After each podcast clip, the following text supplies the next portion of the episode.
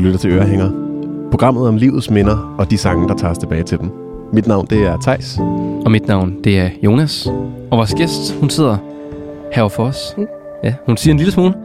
Men øh, inden hun siger for meget, hun siger det meget med lukket mund, så skal jeg lige præsentere hende først. Ja. Fordi dagens gæst er en af de mest karakteristiske tv-værter, vi har herhjemme i Danmark. Hun er en kvinde, der igennem livet har haft flere kasketter på end de fleste. Hun startede sin karriere, efter hun blev uddannet arkitekt og grafisk designer. Og efter uddannelsen, der stod hun blandt andet for at redesigne DR1 og DR2. Men det er ikke kun som designer, at gæsten har haft sin gang på DR-byens mange lange gange. De fleste af danskerne, de kender hende nemlig som tv-vært på succesprogrammer som TV, TV, TV, Made in Danmark og TV-quizzen, og mange flere. I 2016 der blev hun kulturchef i Kæler, og senere der startede hun sin egen virksomhed som selvstændig tv-vært, radiovært, skribent, moderator og foredragsholder. Lige nu der er hun aktuel som vært i programserien Huse med Hemmeligheder. Så velkommen til arkitekten, designeren, tv-værten, foredragsholderen og karriereblæksbrunden Ane Korsen. Tak. Det, det lyder meget imponerende. Ja, det er helt vildt, men også alle de her titler. Ja, det, det er dumt altså. Thijs og jeg, vi snakkede om, altså hvilken titel føler du dig selv mest tilpas i? Vi var sådan lidt, hvad, hvad, hvad skal vi kalde hende? Ja, men det er heller ikke nemt, fordi i virkeligheden er jeg jo... Altså nu bliver jeg meget præsenteret som arkitekt i Ja. de her år, og i virkeligheden er jeg jo ikke bygningsarkitekt. Nej. Jeg er uddannet, som du siger, grafisk designer fra arkitektskolen. Mm. Så jeg, når folk siger, eller præsenterer mig som arkitekt, så føler jeg nogle gange lidt, det, det, at jeg pynter mig lidt med nogle lånte fjer, eller det er lidt... Øh, Du er mere sådan en grafisk arkitekt, eller hvad? Ja, grafisk designer. Ja. Altså, min uddannelse er grafisk designer Ja. fra arkitektskolen. Okay. Men, vil jeg så sige, og sådan er det ikke længere, men dengang jeg gik på arkitektskolen, der skulle man ligegyldigt, om man ville på designafdelingen, så skulle man igennem to års bygningskunst. Ja. Okay. Så på den måde er jeg klassisk dannet bygningsarkitekt på, på basis, men jeg kan jo ikke sætte mig ned og tegne hus og, og, og få det opført. Så ja, så hvis man ligesom skal præsentere mig med, min, med min, sådan, det, det arbejde, jeg mest har lavet, så er det nok som designer. Jeg, det, er jo sådan mest sådan, jeg definerer mig. Ja. Ikke, faktisk ikke så meget arkitekt. Vi har glædet os utrolig meget til at have dig i studiet. Mm. Vi skal jo igennem tre minder. Ja. Vi skal høre først om din barndom. Mm. så skal vi til ungdommen, og til sidst voksenlivet. Og Ja. jeg tænker egentlig bare, at vi starter i barndommen. Ja, lad os gøre det. Hvor er du født henne? Jamen, øh, jeg er født og opvokset, indtil jeg var 13 år i Rungsted. Ja. Øh, kyst på Bukkeballevej. Øh, I sådan et Ja, i, jeg blev født i 74, ikke? Så i 80'erne, øh, ja, slut 70'erne og 80'erne, boede jeg i, i Rungsted, og øh, det var sådan en rimands, øh, og det er det vel stadig, sådan en rimandsenklave, hvor at både mig og min bror var nok lidt udenfor, fordi vi var børn af journalister. Ja. Min mor var ekstrabladsjournalist. Det er de ikke glade for på de kanter der. øh, og min far var chefredaktør for Børsen, som jo så er sådan en erhvervsavis, øh, så det var sådan lidt mere. Men ellers så var dem, jeg legede med og gik i klasse med, de var jo det var jo øh, Peter Sobelstat og Axel Juhl Jørgensens datter. Og, altså, det var sådan nogle forretningsfolk, mange af dem. Øh, Kunne I også mærke det, det sådan skæld i, i sådan jeres barndomshjem kontra deres Ja, barndomshjem? meget. Altså vi var virkelig, altså vi var virkelig, øh, vi passede dårligt ind i det der miljø. Jeg, jeg, jeg synes, jeg undrede mig meget over de hjem, jeg kom i, at de var så forskellige fra det hjem, jeg var i. Altså vi var jo, øh, min bror og jeg blev sat til at diskutere politik og samfundsforhold, fra vi var helt små med vores forældre, og de var meget interesserede i vores holdninger, og vi diskuterede meget, og man kunne ikke bare sige, det ved jeg ikke noget om, eller det har jeg ikke en holdning til, det kunne du ikke slippe afsted med. Mm. Øhm, og i de hjem, jeg kom i, der var, øh, der var sjældent, øh, øh, især fædrene var slet ikke med til maden, fordi de var ude, vi arbejdede, eller man spiste med en au pair-pige, eller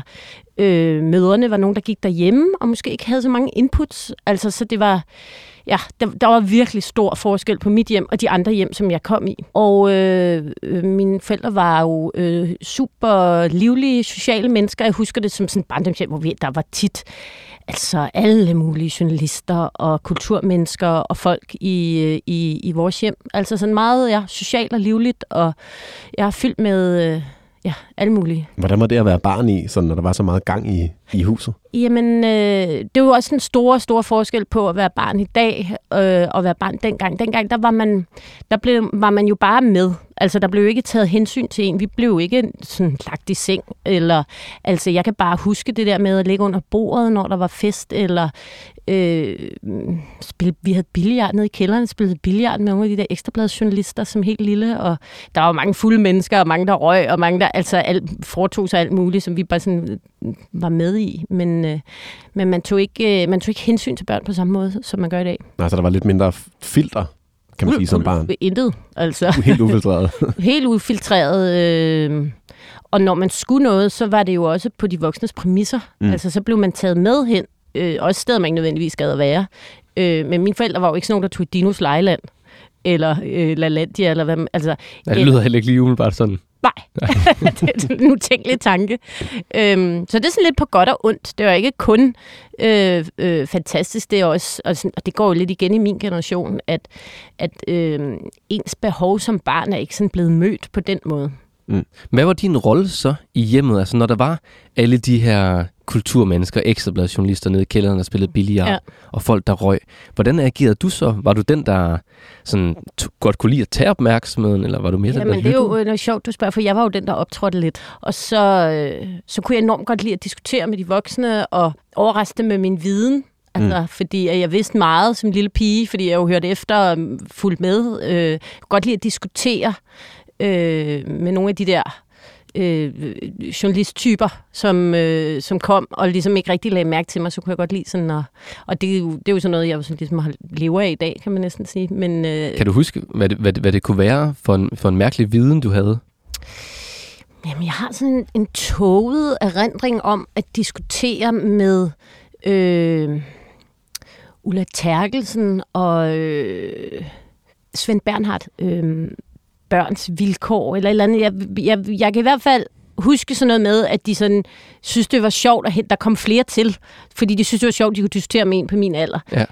Øhm, Hvor gammel har du været? Ja, jamen, jeg har nok ikke været mere end 6-7 år. Altså, Nej. øh, så også mange af de mennesker, der ligesom er i medierne i dag, kan jeg jo huske fra min barndom, øh, fordi de kom meget i vores hjem. Ikke? Mine forældre må have været, det har jeg jo ikke tænkt over før, faktisk for nylig, mine forældre har været et meget sådan stort samlingspunkt. Men det var da også mærkværdigt, at en, en lille pige på sådan noget seks år diskuterer børns vilkår med ja. Ja, det er sgu nok lidt mærkeligt.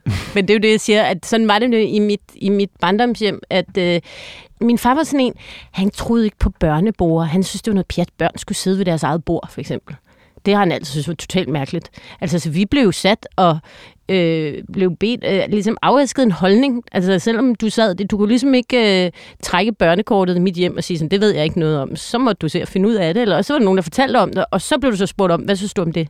Øh, og det kan jeg jo se, at det har jo øh, skærpet mig enormt meget til, at jeg kan jo have en holdning til alt. Men det er også et problem nogle gange. Mm. og det er også derfor, min karriere er så øh, blæksprodagtig. Det er jo det der med, at man kan jo sætte mig ned i alle mulige sammenhænge, så skal jeg nok formulere en holdning. Det virker også som om, at øh, dine forældre øh, virkelig sådan har fokuseret på, at I var lige med dem på en eller anden måde? Altså, er, yeah. det, er det også noget, som ligesom er sådan, øh, skvulpet over i dine andre interesser som barn?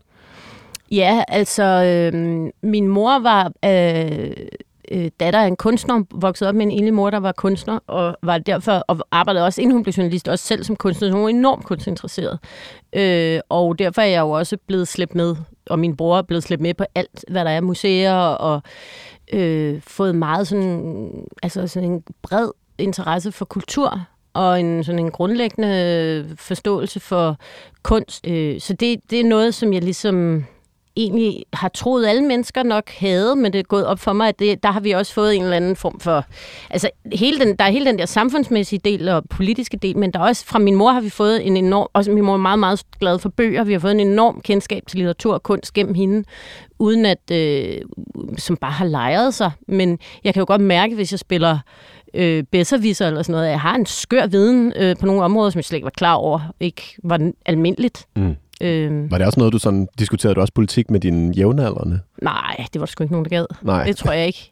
Øh, jeg kunne godt blive lidt træt af, hvis jeg skulle sættes til at diskutere politik med nogen, som ikke havde den samme viden som mig.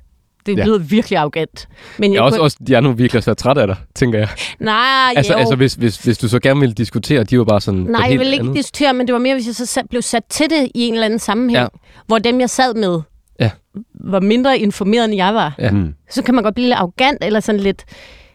Jamen, det gider næsten ikke tale om. Ja, nej, hvis man det, ikke har det samme grundlag. Nej, og det er jo det der med gamle kloge børn og sådan noget, ikke? at de kan jo nogle gange godt øh, føle sig lidt udenfor, helt automatisk, fordi de sidder og ved en masse ting, som de, deres jævnaldrende ikke gør, mm. og øh, derfor så gider de ikke tale med dem.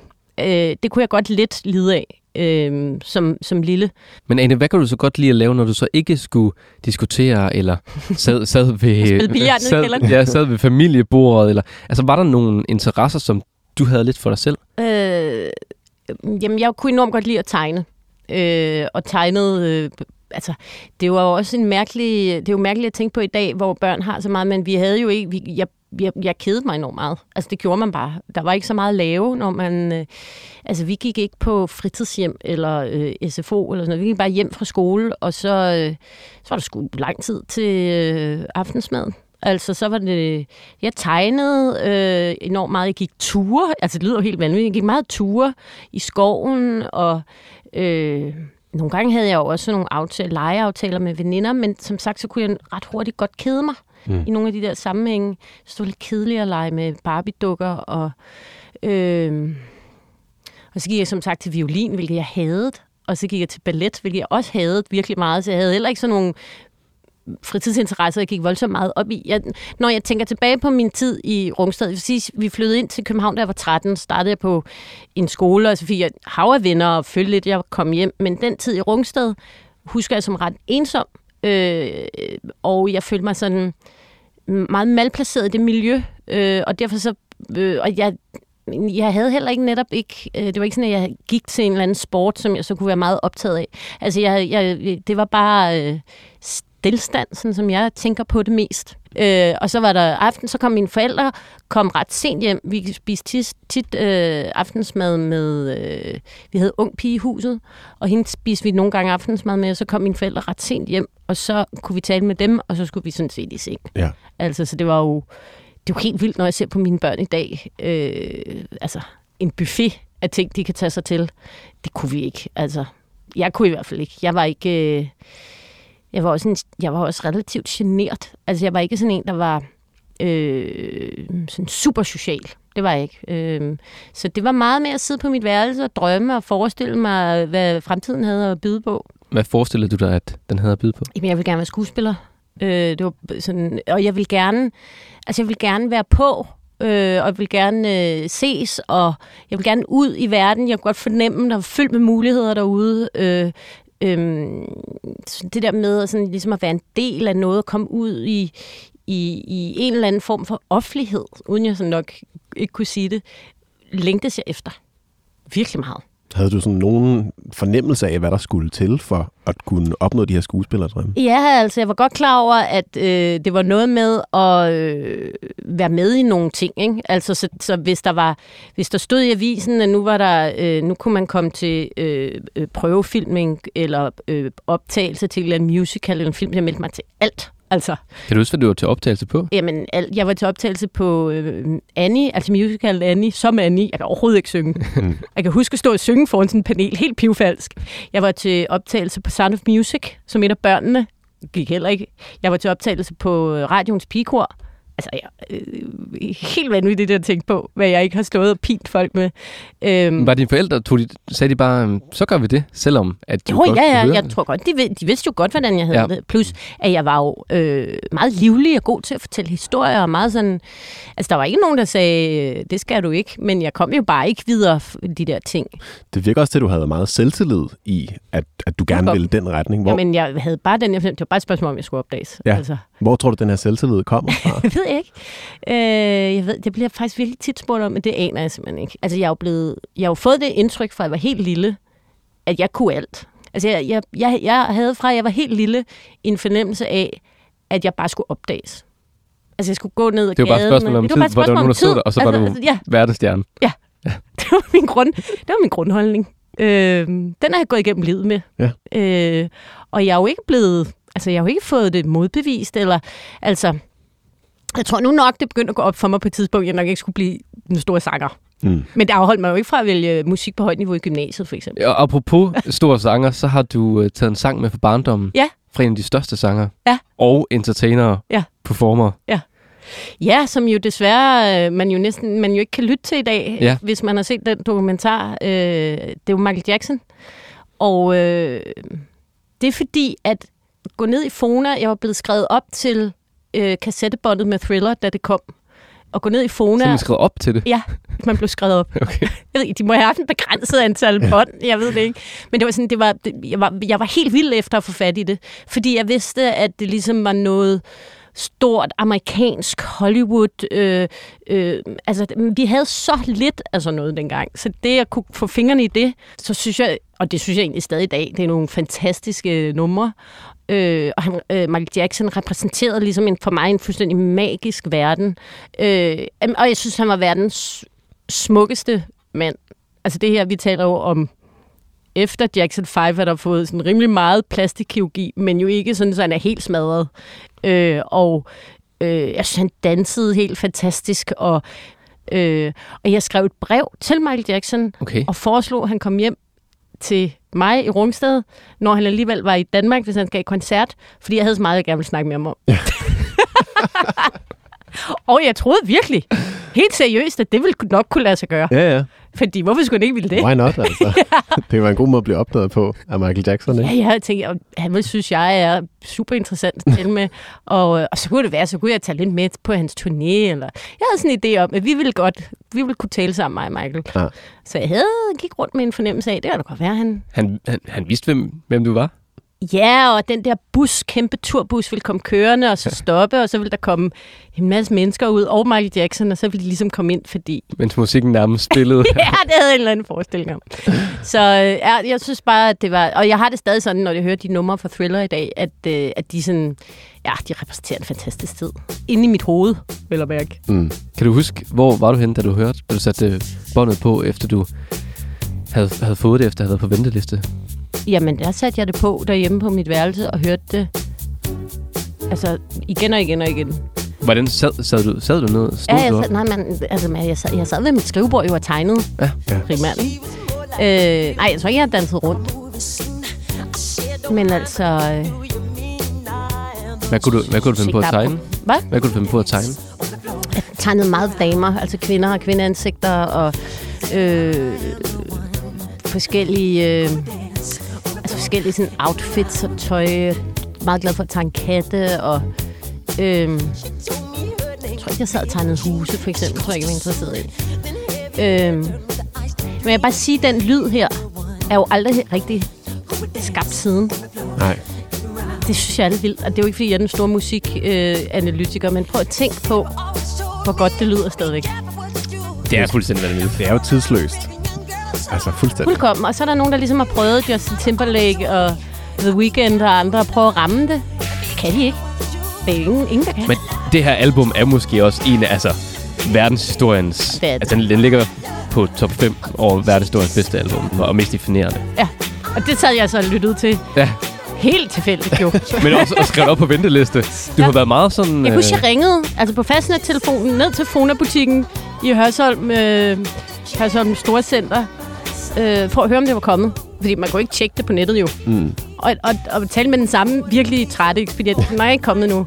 Er det, kom, er det kommet i dag? Kommer det i dag? Hvornår kommer det? Tror det kommer i morgen? Jeg ved det ikke. Må prøve at ringe igen i morgen. Så jeg ringede og ringede. Og så nu var det der. Og jeg kan tydeligt huske at cykle alt, hvad jeg kunne ned til, til, til centret for at få fat i... Øh, i og, og, så det der lille kassettebånd, hvor han ligger i sådan en hvid, øh, hvid jakkesæt med... Er der en lille... Jeg tror, der er en tiger. Er der ikke? Ja, en hvid, hvid tiger eller et eller andet. Det tror jeg. Det er heller ikke Øh. rigtig blevet genskabt, sådan et cover. Det. det er fandme også sindssygt. ja, så øhm, ja. Så det repræsenterer ligesom en meget drømmende tid for mig. Vi skal jo videre teksten, Ane. Ja. Vi skal til din ungdom. Ja. Hvordan følte du sådan selv, at du udviklede sig, da du gik fra at være barn til at blive teenager? Jamen, som sagt, så flyttede jeg til... Vi, mine forældre øh, flyttede til København, øh, da jeg var 13. Og jeg startede på Ingrid Jespersen, som er sådan en øh, øh, privat skole, der ligger inde på, i Nordre Frøvensgade på Østerbro. og var bare sådan en radikal modsætning til, hvad jeg kom fra. Jeg kom fra Rungsted Private Realskole, hvor vi skulle stå op bag stolen, og læreren kom ind og sige herre og fru og synge morgensang. Øh, og der overhovedet ikke var nogen mulighed for at øh, sådan ligesom markere sig på nogen måde. Og så kom jeg ind på en skole, der fremelskede det, og øh, dyrkede øh, individet, og alt, hvad der var særligt ved dig, det skulle du bare have lov til at komme frem med. Og, så jeg blomstrede. Øh, jeg, var, jeg havde det som om, jeg var kommet hjem, når det var her, jeg skulle have været hele tiden. Jeg elskede at være i København, og øh, fik masser af venner. Jeg var blevet meget mere social, end jeg havde været i, i, i Rungsted. Synes du også selv, at du sådan, altså, ændrede den måde, altså, du var på, eller var det ligesom i kraft af omgivelserne? Nej, jeg synes, jeg blev accepteret for den måde, jeg var på. Jeg var også meget særlig. Altså, jeg, mm. Og på den måde, så var jeg jo... Jeg, jeg, jeg blev overhovedet ikke mobbet eller drillet i Rungsted. Jeg, jeg fravalgte selskab, fordi jeg ikke øh, følte, jeg passede ind. Hvor da jeg startede Ingrid Jespersen, der, der blev jeg bare omfavnet med, med, med den, som, som jeg var. Øh, blandt andet så gik jeg klædt i en farve til hver ugedag. Ja, det er okay. Kan du huske farverne stadig? Ja, ja. Mandag var blå, og tirsdag var grøn, og onsdag var orange. Torsdag er lidt, lidt i tvivl om, men fredag var sort. Ja. Øh, og øh, det, jeg skal ikke kunne sige, hvorfor jeg havde udviklet det. Men, men det, det, er også, det er virkelig dogme sådan super mærkeligt. super mærkeligt. Jeg tror, det var fordi, at Rungsted var jo også meget... Dengang var der jo... Øh, det er det jo stadig, men det var jo drevet af øh, brands, så alle gik i Lacoste og i øh, balltrøjer og i dockside sejlersko og sådan noget, og alt det øh, var vi ikke en del af. Altså jeg tror dels, tror jeg ikke, mine forældre gad betale for det, mm. øh, men jeg havde heller ikke lyst til det, og det var blevet nødt til at udvikle et eller andet system selv måske. Ja. Det er min egen øh, fortolkning, for jeg kan ikke huske, hvorfor det Men altså... Øh, øh, alt det var fint, da jeg startede på, på Ingrid Jespersen. Der var ikke nogen, der... Øh, altså, det, det, det blev faktisk sådan dyrket. Altså, jo mere særlig man var, jo bedre. Så derfor så... Øh, så husker jeg øh, den tid der, 7. 8. 9. jeg gik også i gymnasiet der som øh, en fantastisk tid. Og svær, ikke? Når man er 13-14 år i tvivl om, hvem man er, og, oh, fester og drenge. Og... Ja, hvordan, hvordan var dit møde med, med hele den Jamen, verden. Hele, hele, når man ja, bliver teenager og skal til fester. Og... Altså, det var svært, fordi jeg jo netop øh, var en når jeg ser mig selv udefra, nok har set sådan rimelig mærkelig ud med mit korte hår, og øh, øh, jo øh, optaget af at tale om ting, som andre måske ikke nødvendigvis talte så meget om. Sådan noget. Så jeg passede jo ikke ind i det der klassiske pige øh, sådan som piger skulle være på det tidspunkt. Øh, og derfor fik jeg jo heller ikke, følger mig jo ikke sådan, jeg følte ikke rigtigt, at jeg øh, var god til det der. Øh, og samtidig ville jeg jo gerne have en kæreste, og jeg ville gerne, jeg ville gerne være sammen med en dreng, og øh, i starten ville jeg ikke drikke, men så begyndte jeg også at drikke mig alt for fuld og rode rundt. Og, altså, det var bare en svær tid, og jeg tror at egentlig, at det er gået op for mig, nu har jeg jo også selv børn og teenager, alle har det jo sådan. Jeg troede bare, det kun var mig, der havde det sådan. Mm. Øhm, det tror jeg, at alle tit på det tidspunkt, ikke? Jo, og det siger jeg jo også til dem. Jeg ved godt, du har det sådan. Du bare ved, at alle har det sådan. Man har fornemmelsen, at det er mig. Jeg er den eneste, der ikke kan finde ud af det, men sådan har alle det jo. Mm. Øhm, så jeg, jeg synes, det var... Jeg blev på et tidspunkt regnet det ud. Altså i 9. klasse var jeg jo helt med på det hele. Men i 7. og 8. rodede jeg meget rundt med det der. Øh, og, og, i, og i gymnasiet var jeg... Øh, hmm, i gymnasiet ville jeg gerne have en kæreste, og der var det sådan, der var dem, der ville være kæreste med mig, dem kunne jeg ikke lide, og dem, jeg ville være kæreste med, de, kunne, de var meget interesserede i nogle andre. Og sådan noget. Der synes jeg også, det hele var lidt noget råd, så det var ikke sådan, men sådan er det jo den alder. Altså, den er jo bare fucked up. Kan du huske, hvordan det hvordan påvirkede alt det der, det her med, at så drak du ikke, og så drak du alt for meget. Du, du havde lidt svært ved, det lyder som om, at du søgte lidt nogle forskellige poler og prøvede mm. nogle ting af. Hvordan? Nå, men jeg tror, jeg opdagede jo på et tidspunkt, at hvis man drak sig tilpas fuld, så glemte man jo alle de her øh, for, altså, følte man ikke længere, at man var forkert, og så kunne man sige ting og danse og gøre, hvad man havde lyst, og så smed man hæmningerne. Øh, så, og det er jo det, de fleste unge, det er jo derfor, de drikker. Det er jo ikke, fordi de bare elsker rosé, vel? Altså, øh, og det, det fandt jeg ud af, var pissmart, fordi så kunne jeg ligesom være en, den bedste udgave af mig selv. Mm. Øh, og ja, Øh, så det tror jeg, jeg brugte i mange år som sådan en middel, sådan social øh, isbryder. Øh, hvad var den bedste udgave af dig selv? Altså, hvad var sådan den største forskel fra ædru ane til sådan øh, fulde ane? Nå, men det var så turde jeg jo gå over, hvis der var en dreng, jeg synes var sød, så turde jeg godt gå over og tale til ham. Mm. Eller øh, jeg havde ikke hele tiden alle mulige tanker om, hvad jeg skal sige nu, eller hvor skal jeg sætte mig, eller hvordan skal jeg danse, eller skal jeg... Så var jeg bare til stede. Øh, jeg elskede at drikke mig fuld. Mm. Altså, jeg synes, det var fantastisk. Det var så dejligt, det fandtes. Øh, og øh, mm, jeg husker heller ikke at have specielt mange tømmermænd, eller have bundeanger, eller sådan noget. Jeg synes bare, det var fint, det var opfundet. Øh, og så var det jo det der med at styrte. Altså, min generation drak jo meget, meget mere. Altså, synes jeg, tidligere. Altså, vi drak jo fra 7. klasse af. Det gør mine børn jo ikke. Øh, jeg ved godt, man siger, at, at danske unge stadig drikker meget, men vi drak tidligere. Og vi drak, altså, jeg drak kun guldøl. Det er jo helt skørt. Altså. Nej, det er, det er en vild præference at have. Ja, det er også vildt at drikke guldøl i 7. klasse, ikke? Ja. Altså, hvis man bare lige ser det billede for sig. ja. ja, især når man selv er børn, kan jeg godt fortælle ja. Men så gik det jo bare hurtigere, ikke? Ja. En FF'er, den, øh, den satte godt gang i det, ikke? Ja, ja. Så, ja, så, så øh, Ja, så jeg rodede meget rundt, men, øh, men prøvede at følge med, altså øh, så godt jeg kunne i, øh, i, i hele det der sociale spil, synes jeg var svært. Mm. Og du har taget noget musik med, mm. som jo helt, altså sådan nærmest som det første, mm. den første sang i programmet, øh, er en hadesang. Ja, jamen øh, det var sådan, da jeg gik på, på, på Ingrid, og især i gymnasiet, der var der en kantine, hvor alle gik ned, og så var der et stævanlæg, hvor man kunne gå op og sætte musik på. Mm. Og det var ligesom...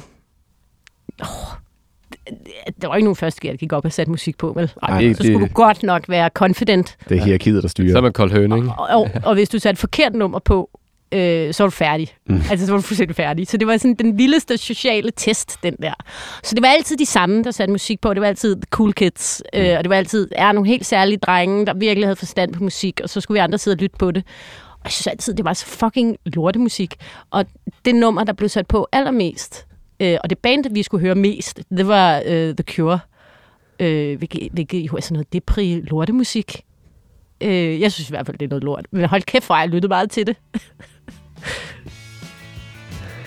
men, men, det er et af de bedre.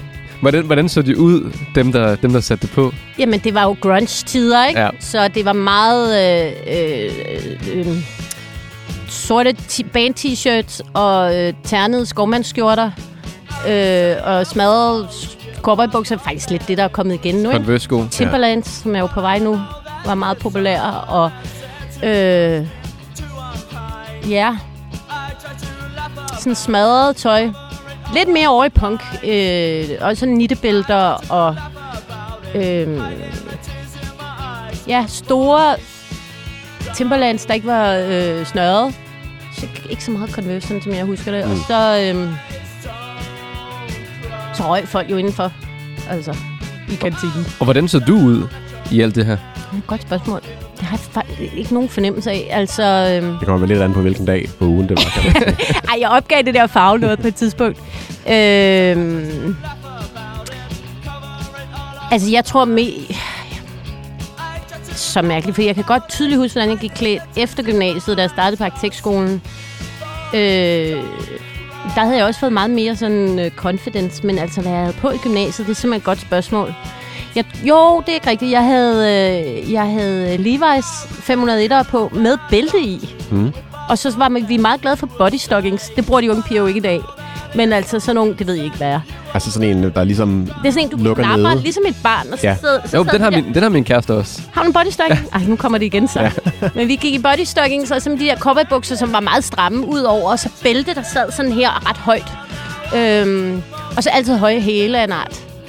Det, der var jo ikke sneaks men, men, også, men også den diametrale modsætning til dem med skovmandskjorter, nittebælterne, de slidte ja, bukser ja. og øh, Converse-sko, whatever. Ja. Altså, vi gik i det hele taget bare i meget stramt tøj. Ja. Hvor mine piger, jeg har en pige på 21 og en på 18, de går i de går i enormt løse bukser, for eksempel. Det kunne vi aldrig have fundet på. Så kunne man slet ikke se noget. så vi gik jo i meget sådan, ja, stramme ting, og så, og så gik vi i højhælede støvler og sko. Øh, vi gik ikke i sneaks. Altså, det fandtes ikke til piger. Nej. Var du så lidt betaget af dem der med, med nittebælterne og ja, skjorterne? lidt. Men jeg synes også, de var nogle idioter. Øh, jeg, jeg var lidt betaget af dem, men jeg synes også, det der attitude var skide irriterende. Øh, og dækket over alt muligt. Jeg synes ikke, de var så...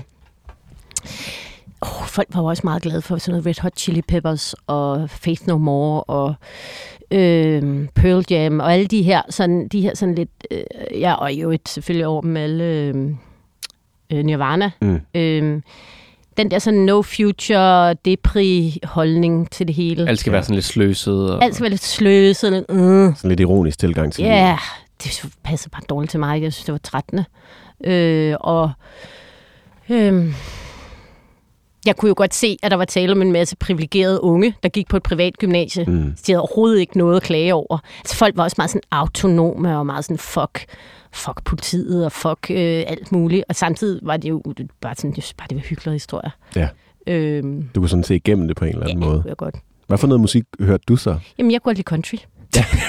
Ja. det er jo meget den diametrale modsætning ja. på en eller anden måde. Simpelthen så glad for øh, Dolly Parton og Patsy Cline. Og... Du fik aldrig sat det på op på højtalerne? Nej, det, det tror jeg ikke. Det tror jeg ikke. Så var jeg, det ved jeg ikke. Det havde jeg nok gjort i dag, en nyt reaktion. Ja. Det tror jeg kraftede mig ikke dengang. Øhm, ej, så jeg har ikke været... Øh, jeg har ikke passet særlig godt ind øh, i... Altså, jeg har også opdraget til at gå imod øh, følgeagtighed. Altså, hvis ja. alle folk løber, løber en retning, så er jeg opdraget til at stille spørgsmålstegn ved det. Øh, og sådan har jeg det stadig den dag i dag. Så jeg er ikke... Øh, hvis alle øh, mener én ting, så har jeg en tendens til i hvert fald at stille spørgsmålstegn ved det. Og sådan havde jeg det med hele den, det her univers. Øhm, og jeg tror også, det tror jeg måske ikke, jeg kunne formulere, jeg tror også, at I blandt sådan noget Red Hot Chili Peppers og det her, har kunne fornemme noget misogynt. Ja. Altså en eller anden øh, lidt... Øh, kvinder var bare sådan noget øh, øh, øh, kønt over i hjørnet, som skulle holde deres kæft-agtig stemning omkring det, øh, som jeg nok ikke har kunne sige, sådan, sætte fingeren på, men der var et eller andet, der irriterede mig ved det der sådan meget maskuline øh, univers. Det var også kun mænd, der nærmest var i grønsbølgen jo. Ja. Ja, ja, og så var der øh, Courtney Love, som jo øh, på en eller anden måde var sådan øh, Yoko Ono-agtig ja. figur, ikke? Ja. som ødelagde Nirvana. Øh, men der var ikke, der var ikke, der var ikke nogen kvindelige øh, idoler i det der. Øh, og så det der navlepilleri og irriterende. En irriterende mandetype, synes jeg. Ja. Det er stadig. Vi skal også videre til voksenlivet, så det er måske en meget god bro over til det. Er du stadigvæk sådan i dag, at at du går lidt imod det? Nej, men jeg synes, jo, jeg synes jo, det er blevet meget mere... Øh, altså, mm, det er jo blevet meget mere sådan øh, individuelt, hvad du lytter til, fordi verden er blevet så globaliseret, så du kan jo godt dyrke alt muligt, uden at, at altså, jeg ved ikke, hvad jeg skulle gå imod, fordi alle lytter til alt muligt. Mm. Dengang, der var det bare sådan, der, der var det det, du lyttede til, og hvis du ikke lyttede til det, så var, så var du bare udenfor, og de irriterede mig. Så, øh, men jeg gider ikke... Øh, jeg er lidt træt af folk i min generation, og nu skal vi høre noget, som netop er folk fra min generation, øh, som bliver ved med at lytte til det, de lyttede til, da de var unge. Jeg prøver faktisk at følge med. Jeg, jeg lytter, jeg, når mine børn kommer hjem med et eller andet, så prøver jeg, altså min, min søn er meget glad for Tyler, the Creator, det har lyttet meget til. Øh, øh, jeg er også glad for ukendt kunstners nye øh, plader og sådan noget, så jeg prøver da at følge med, og ikke sådan gå i stå og sige, at jeg vil kun høre Bruce Springsteen. Men Anne, Anne inden, vi skal, inden vi skal til Bruce Springsteen, så skal vi lige, så skal vi lige dvæle lidt ved dit voksenliv. Mm. Hvornår føler du, at du blev voksen? Da jeg fik børn. Ja. Mm. Øh, og der var jeg 28. Øh, og det kan jeg jo se nu. Jeg følte mig jo super voksen. Det gør man jo. Nu har jeg en på 21. Øh, men det er man ikke før. At man... Hvad er forskellen? Altså, hvordan... Forskellen er, at du pludselig skal slippe dit øh, eget øh, ego og din egen behov øh, og øh, koncentrere dig om et, et andet menneske. Og det, øh, det er virkelig svært og hårdt, og, øh, og det er en, øh, det er også, og du lærer dine egne begrænsninger at kende, og du bliver nødt til at, ligesom, at finde ud af, hvem du er som menneske, og hvad er dit værdisæt, og hvad, altså, du bliver hele tiden, og det er jo det gode ved børn, du bliver hele tiden stillet over for en masse øh, spørgsmål, som du bliver nødt til at finde et svar på. Og indtil da, kan man jo bare leve et rimelig beskyttet liv og gøre det, man har lyst til.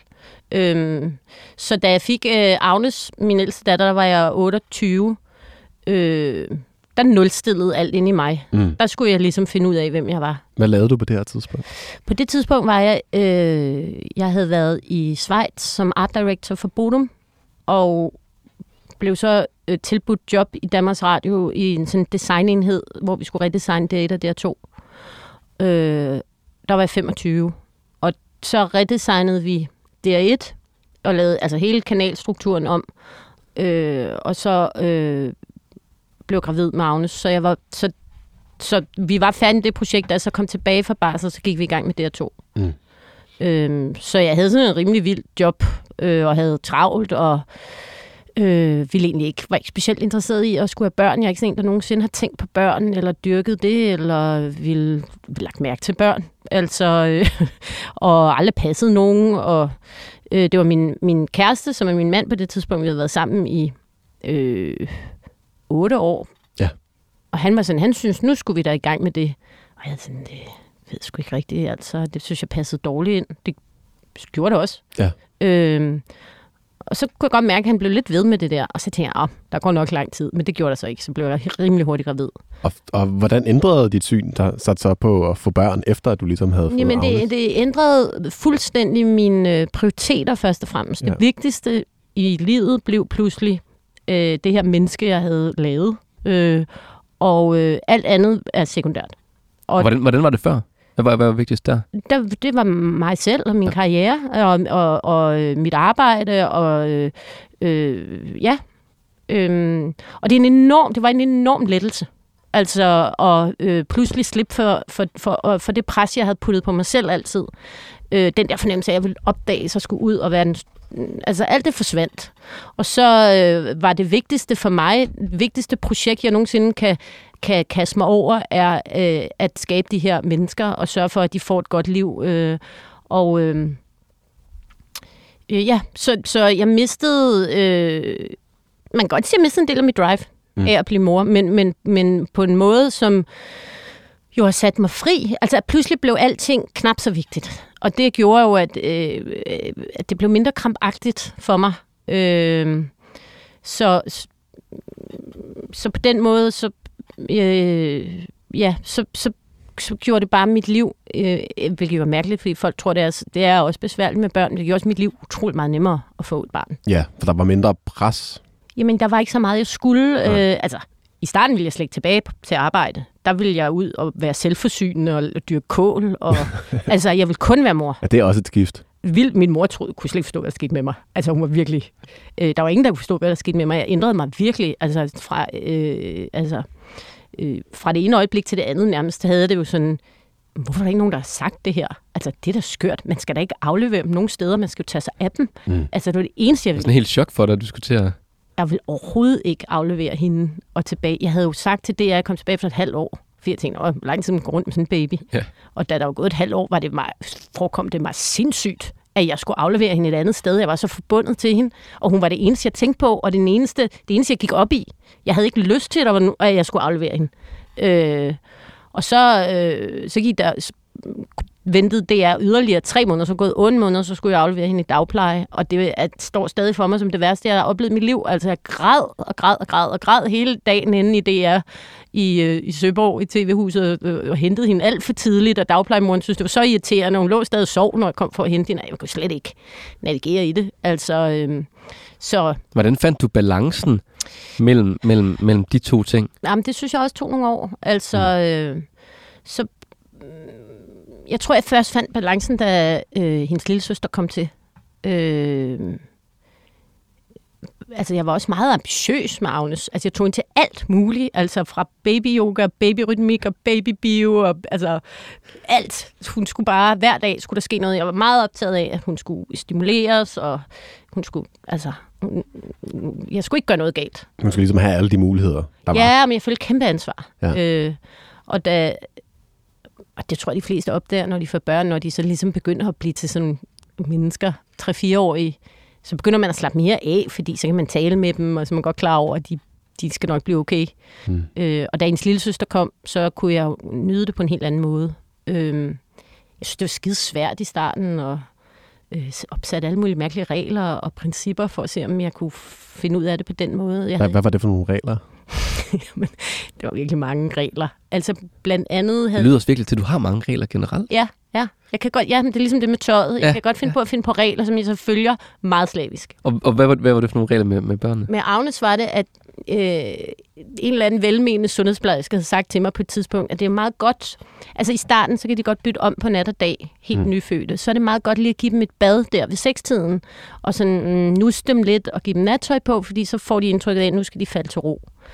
Det havde jeg så taget til mig. Så det var så skulle Agnes i bad, i det samme slags badekar som Tyrkiets badekar, hver dag, præcis kl. 6.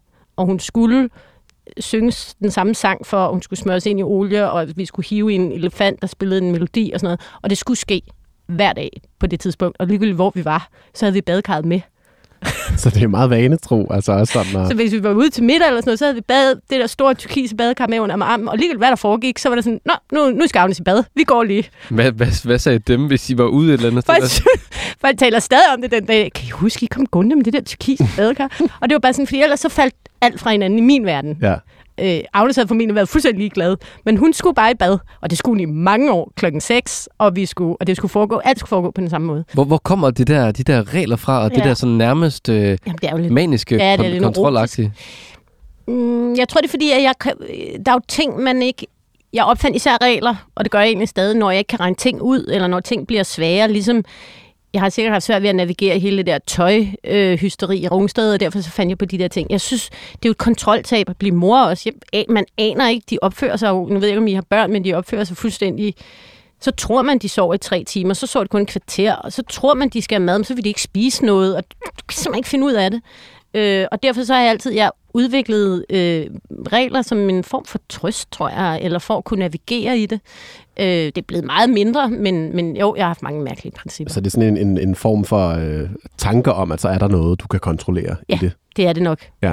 Øh, og ja, altså det der undrer mig er, at Benjamin, min mand, bare gået med på det, for han har det jo ikke sådan, at han ikke har sagt, ej, nu stopper du fandme. Men det gjorde han ikke. Han har vel Nu, har vi badet hende i badekarret i, i to år. Måske vi skulle. Nej, vi taler om i mange år, det her. Okay. Jeg tror, det var op til, hun var fem år. Øh, øh, Prøv at spørge hende. Hun kan sikkert huske det. Hun lå i det der badekar. Hun var alt for stor til det. Jeg tog heller ikke skifte badekarret ud, fordi så kunne det være, hun ikke ville sove. øhm, ja, så, øh, så det, det på den, sådan var jeg jo ikke med de næste. Jeg har tre, sådan var jeg ikke med de næste to. Der vidste Mm. jeg godt. Det er ikke det, det kommer an på. Det var ligesom den der, det der chok, der lige var ved, ved Agnes. Vildeste chok, Ja. ja. altså. Den vildeste, øh, jeg er sådan en håndgranat, der bare bliver kastet ind. Altså, øh, men også jo helt fantastisk netop det der med, at øh, du føler en fuldstændig betingelsesløs kærlighed, som ikke bliver mindre med årene, som kun bliver øh, kraftigere. Og så finder du ud af, når du får flere børn, at den bare bliver mangedoblet. Mm. Der går ikke kærlighed fra det første barn. Øh, og alting er ikke så vigtigt længere. Alt det andet er, sådan, er fint, men det, har, det er slet ikke lige så vigtigt, som det er. Mm. Sådan har jeg det stadig, selvom de er voksne, og de fleste af dem. Vi skal også snakke lidt om øh, det, som de fleste måske kender dig for, mm. Fordi at du jo i 2011 blev vært på tv-succesen TV, TV, TV, Ja. som øh, blev sendt på DR2. Hvordan var det pludselig at gå fra at være øh, en, der havde arbejdet med grafisk design, til at være en offentlig person? Ja, yeah. Og du har også drømt om at blive opdaget. Ja. man sige. Ja. Og så blev du så på en det eller er anden på en måde eller anden måde, ja. Altså, øh, jeg havde været chef i mange år på det tidspunkt, Ja. ja. og har haft sådan meget sådan ansvarsfulde jobs. Så det at bare skulle optræde, øh, uden at, øh, altså, uden jeg ligesom havde nogle, det havde nogle øh, andre konsekvenser, end at der var en anmeldelse eller sådan noget, så det var, egentlig var det bare utrolig meget lettere, end det, jeg havde lavet i mange år. Øhm, og det der med at være kendt, det, øh, altså det var lidt ryst, det var lidt mærkeligt i starten. Øhm, sådan noget med, at så blev jeg inviteret til en eller anden biografpremiere, hvor jeg tænkte, Nå, det var da sødt af dem, og så dukkede jeg op der på, på løberen, og så kunne jeg så se mig selv i et eller andet blad, hvor de havde anmeldt det tøj, jeg havde på. Det synes jeg var super mærkeligt. Mm. Altså, øh, og jeg skulle lige lære at navigere i det. Jeg håber, de er bedre til at forklare folk det i dag. Altså, jeg fik jo ikke nogen... Øh, så, så ville TV2 have, skulle være med i Zulu Djævleræs. Det synes jeg også lød sjovt. Så, altså, øh, og så, øh, så fandt jeg ud af efter et tid, at jeg skulle lade være med alle de der ting. Altså, fordi hvis du ligesom feeder det, så vokser det også, så bliver du også mere sådan kendt, og så, øh, så skal du forholde dig til alt muligt, og så skal du hele tiden tænke på at se dig selv udefra, tænke på, altså, øh, så det holdt jeg op med på et tidspunkt, øh, og ligesom at deltage i alle de der du kan jo ikke lave andet, dybest set, hvis du vil. Mm. Øh, men så bliver du også meget offentlig. Men det er da også ret vildt, at de slet ikke forbered, forberedte dig på det. Nej. Altså jeg tænker bare, altså på, på DR2, altså der er jo rigtig, rigtig mange mennesker, der ser de her programmer. Ja. Man burde have blive forberedt på det. Ja. Jeg vil så også sige, det var jo også... Jo, Facebook var der, men var jo meget sådan lille, eller altså...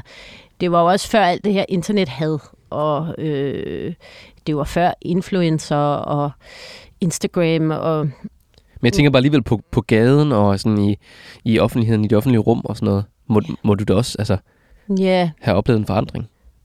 Nej, ikke i starten. Altså, det er sådan kommet mere gradvist, og det, nu kommer det sådan meget i bølger alt efter, om jeg lige har et program, som folk ser, så bliver jeg meget genkendt. Hvis jeg ikke har haft et program i lang tid, så bliver jeg ikke specielt genkendt. Mm. De generer mig ikke rigtigt.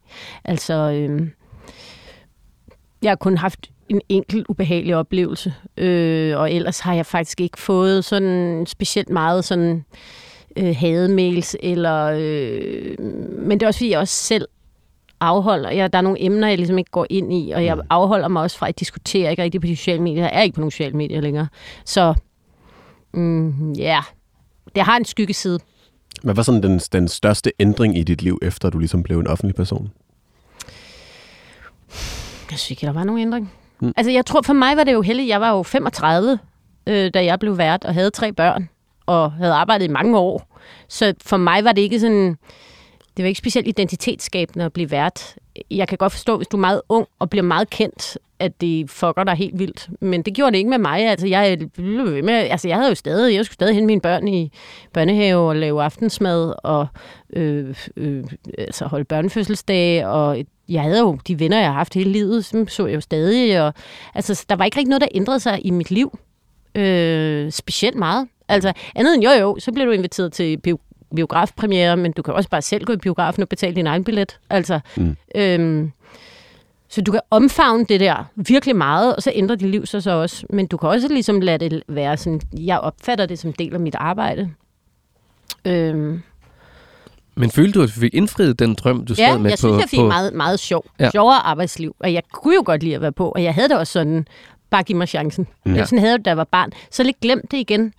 Øh, fordi jeg jo ligesom, nu er jeg blevet øh, designer og var blevet, havde, havde jobs og sådan noget, så jeg lidt glemt det igen, og da jeg blev spurgt, om jeg ville være vært, der var jeg blevet designchef i DR, og kedede mig, og gik til møder og møder og møder, og havde det øh, røvsygt faktisk, og var begyndt at tænke på, at det kan godt være, at jeg ikke skal sidde her.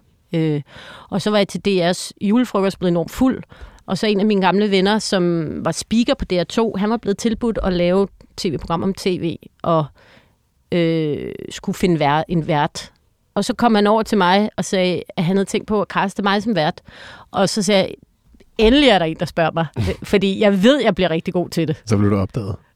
Og han var sådan, jamen jeg mener det. Ja, jamen jeg mener det også. Jeg ved, at jeg bliver god som vært. Jeg ved, jeg kan finde ud af det. Så hvorfor er der ikke nogen, der har spurgt mig før? Jeg var så kæk. Og så han sådan, "Nå, okay, så har vi en aftale på mandag. Det jeg jo fandme tro, vi har. Men altså, vi lige så godt være med at kaste nogle andre, fordi det bliver mig. Og sådan noget. Jeg var så i... Øh... Og så havde jeg rigtig meget bundang, da jeg vågnede næste dag og tænkte, ej, det var da virkelig kikset at stå og sige. Og så øh, mandagen, så ringede han og sagde, nu er vi klar over i, i studie 2 med et kamera. Og så tænkte jeg, fuck, altså så, blev, altså, så gik jeg over, og så øh, skulle jeg tale om et program, jeg godt kunne lide, og til et program, jeg ikke kunne lide. Snakkede bare øh, og gik ind og tænkte, så... Og så ringede han nogle uger senere og sagde, at de ville kun lave programmet, hvis jeg blev vært. Altså, Okay. øh, og så tænkte jeg, fordi jeg har arbejdet med tv i så mange år, det siger man jo ikke, medmindre der er noget om det. Så tænkte jeg, så var det rigtigt nok. Det kan jeg godt finde ud af. Altså, fordi jeg Det ikke... var, en- det var en kæmpe succes for dig, når du har ja. gået med den drøm som Ja. barn. Jeg tænker bare, det opkald der. Ja, Altså, jeg, jeg tænker virkelig sådan, du, Det må, du må virkelig, altså, Ja. altså, du må nærmest svæve. Ja. Ja, jeg, blev, jeg, jeg havde det jo sådan netop, fordi jeg, jeg kan tydeligt huske det opkald der. Jeg cyklede og stoppede jeg på cyklen, og så tænkte jeg faktisk, at det har jeg jo godt vidst inderst inde hele mit liv, så det har ikke bare været en eller anden øh, indbilds tanke. Det har faktisk været rigtigt nok. Ja. Altså, jeg har altid godt kunne mærke det. Så, øh, så er det bare meget rart. Det var bare, ja, Ja. jeg blev faktisk opdaget. Ja. Der var faktisk en, der opdagede mig. Ja, du var programmet. Altså, der var ikke noget program uden Ja, dig. ja, og der var en, der bare kom hen til mig, Ja. ja. helt uden grund eller uden aftale, og sagde, jeg tror faktisk, at du kunne blive en god vært. Det var faktisk meget tilfredsstillende. Indrømme. det, kan vi, det tror jeg, vi alle sammen kan genkende til. ja. Ja. Ane, vi skal jo spole lidt tilbage til noget, som du allerede har nævnt. Ja. Vi skal nemlig høre noget musik, Ja, som du har taget med fra dit voksenliv. ja. Hvad er det for en sang? Jamen altså, øh, oh, jeg var meget i tvivl øh, om, hvad jeg skulle vælge, men... Øh, Da, da, da jeg ringede til dig, så sagde du, ej, måske det skal være noget ukendt kunstner, eller Ja. Taylor Swift. Ja. Og så, så sad min datter i, i sofaen og, og rystede på hovedet og sagde, at Taylor Swift var whack. så lå jeg mig påvirke. Så sagde jeg til hende bagefter, jeg kan altså virkelig godt lide Taylor Swift. Ej, det er, det, er de, det er de samme sange, hun skriver igen og igen. Hun har åbenbart ni gange skrevet et vers om kar og bar. Viste hun mig på ja, TikTok. det er sådan en Ja. TikTok-video, der Ja. kører. Så jeg sådan, okay. Men så en, jeg altid vender tilbage til. Og det er, jeg synes også, det er lidt trættende, fordi det er sådan en, alle kvinder på min alder godt kan lide. Men jeg kan virkelig godt lide Bruce Springsteen. Mm. Og øh, når jeg nu ikke længere må dyrke Michael Jackson så meget, så dyrker jeg virkelig Bruce Springsteen. Og, øh, Hvad du så godt kan lide, altså ved Bruce Springsteen? kan I ikke lide Bruce Springsteen? Det er meget, meget charmerende med. ellers Jo, men det er ikke så sådan det er helt store for mig. Jeg synes, han har skrevet nogle fantastiske sange. Det må jeg bare sige. Altså, det er ikke så meget Bruce Springsteen, manden Bruce Springsteen. Han er fin nok, men hans, altså, hans univers og hans sange, den længsel, der er i hans sange, altså den måde, han kan ramme sådan small town America, lidt ligesom jeg havde det i Rungsted i sin tid. Fornemmelsen af noget stort derude. Øh, det handler mange af hans sange jo om, at man har drømme og længsler, som hvis man bare kan bryde ud af øh, det øh, samfund, man er i, så kan man realisere sig selv og sit potentiale. Han er meget den amerikanske drøm på Ja. den måde. Øh, og det her nummer er fantastisk. I'm on fire. Kendte I det? Nej, jeg har aldrig hørt det før. Mm. Det er sådan lidt, mere, lidt mindre kendt end nogle af hans andre. Hvornår hører du det her i, i dag? Altså, hvad... Jeg kan godt lide at høre Bruce Springsteen, når jeg kører bil. Ja. Mm. Fordi det er sådan en... Der er også mange biler, apropos Taylor Swift Ja. og hans sange. øh, Jamen, det er så meget fremad, trivende. Man kan nærmest høre motoren i bilen, ikke? der er lidt country i det, ikke? Jeg kan jo godt lide country. Altså, der er en melankoli og en... Øh, også en meget sådan følsom maskulinitet i hans sange, som er jo meget før sin tid. Altså, at gå netop imod alt det der Red Hot Chili Peppers øh, univers. Øhm, ja, ej, det er simpelthen sådan et dejligt nummer. Hvad er det ved den der melankoli, du sådan bliver draget af? Jamen, det er den der... Øh, sådan en længsel. Altså, det er sådan længselsfyldt. Øh, og så kommer jeg lidt i kontakt med det, sådan den der tilstand, jeg også var i, da jeg var barn og ung. Altså, øh, fornemmelsen af øh, noget, der kan forandres, tror jeg. Det får jeg ikke ud af så mange andre end, end ham og sådan nogle... Altså, synes faktisk, måske lidt, men jeg synes faktisk, ukendt kunstner har noget af det. Mm. Øh, sådan en, sådan en sadness, Ja, som er ret fin. Ej, det er altså et godt nummer. det er en smuk sang. Spil den for jeres kærester. glade. Jeg har ikke mødt en kvinde, der ikke er vild med den sang. Ja. Jeg Ane, spiller den aldrig til koncerten næsten. Jeg ved ikke hvorfor. Nå. Ane, her til sidst. Et spørgsmål, vi stiller til mange af vores gæster. Alle vores gæster, faktisk. Alle vores gæster efterhånden, ja. Mm. Hvis øh, du kunne rejse tilbage i tiden til, lad os sige, 10-årige Ane, nej, måske 6-7-årige Ane, der sad Mm. og diskuterede med Ulla Terkelsen kælderen. og, øh, og du kunne sige én ting til hende. Hvad ville det så være?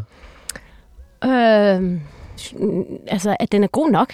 Den tanke, den følelse, jeg har inde i mig, det er, at øh, den skal jeg bare holde fast i. Det er jo sådan set også gjort. Mm. Øh, men altså, det havde været en stor trøst at få at vide, øh, at der var, altså, at jeg nok ligesom skulle komme, altså, at cirklen nok skulle blive sluttet. Altså, øh, jeg, jeg, synes, jeg synes, jeg havde, jeg, jeg, havde, jeg havde det ikke sådan nødvendigvis specielt nemt som barn. Mm. Og hvis der er nogen, der havde sagt til mig, det kommer til at gå rigtig godt, du skal bare holde fast i, hvem du er, så havde det været nemmere, ikke?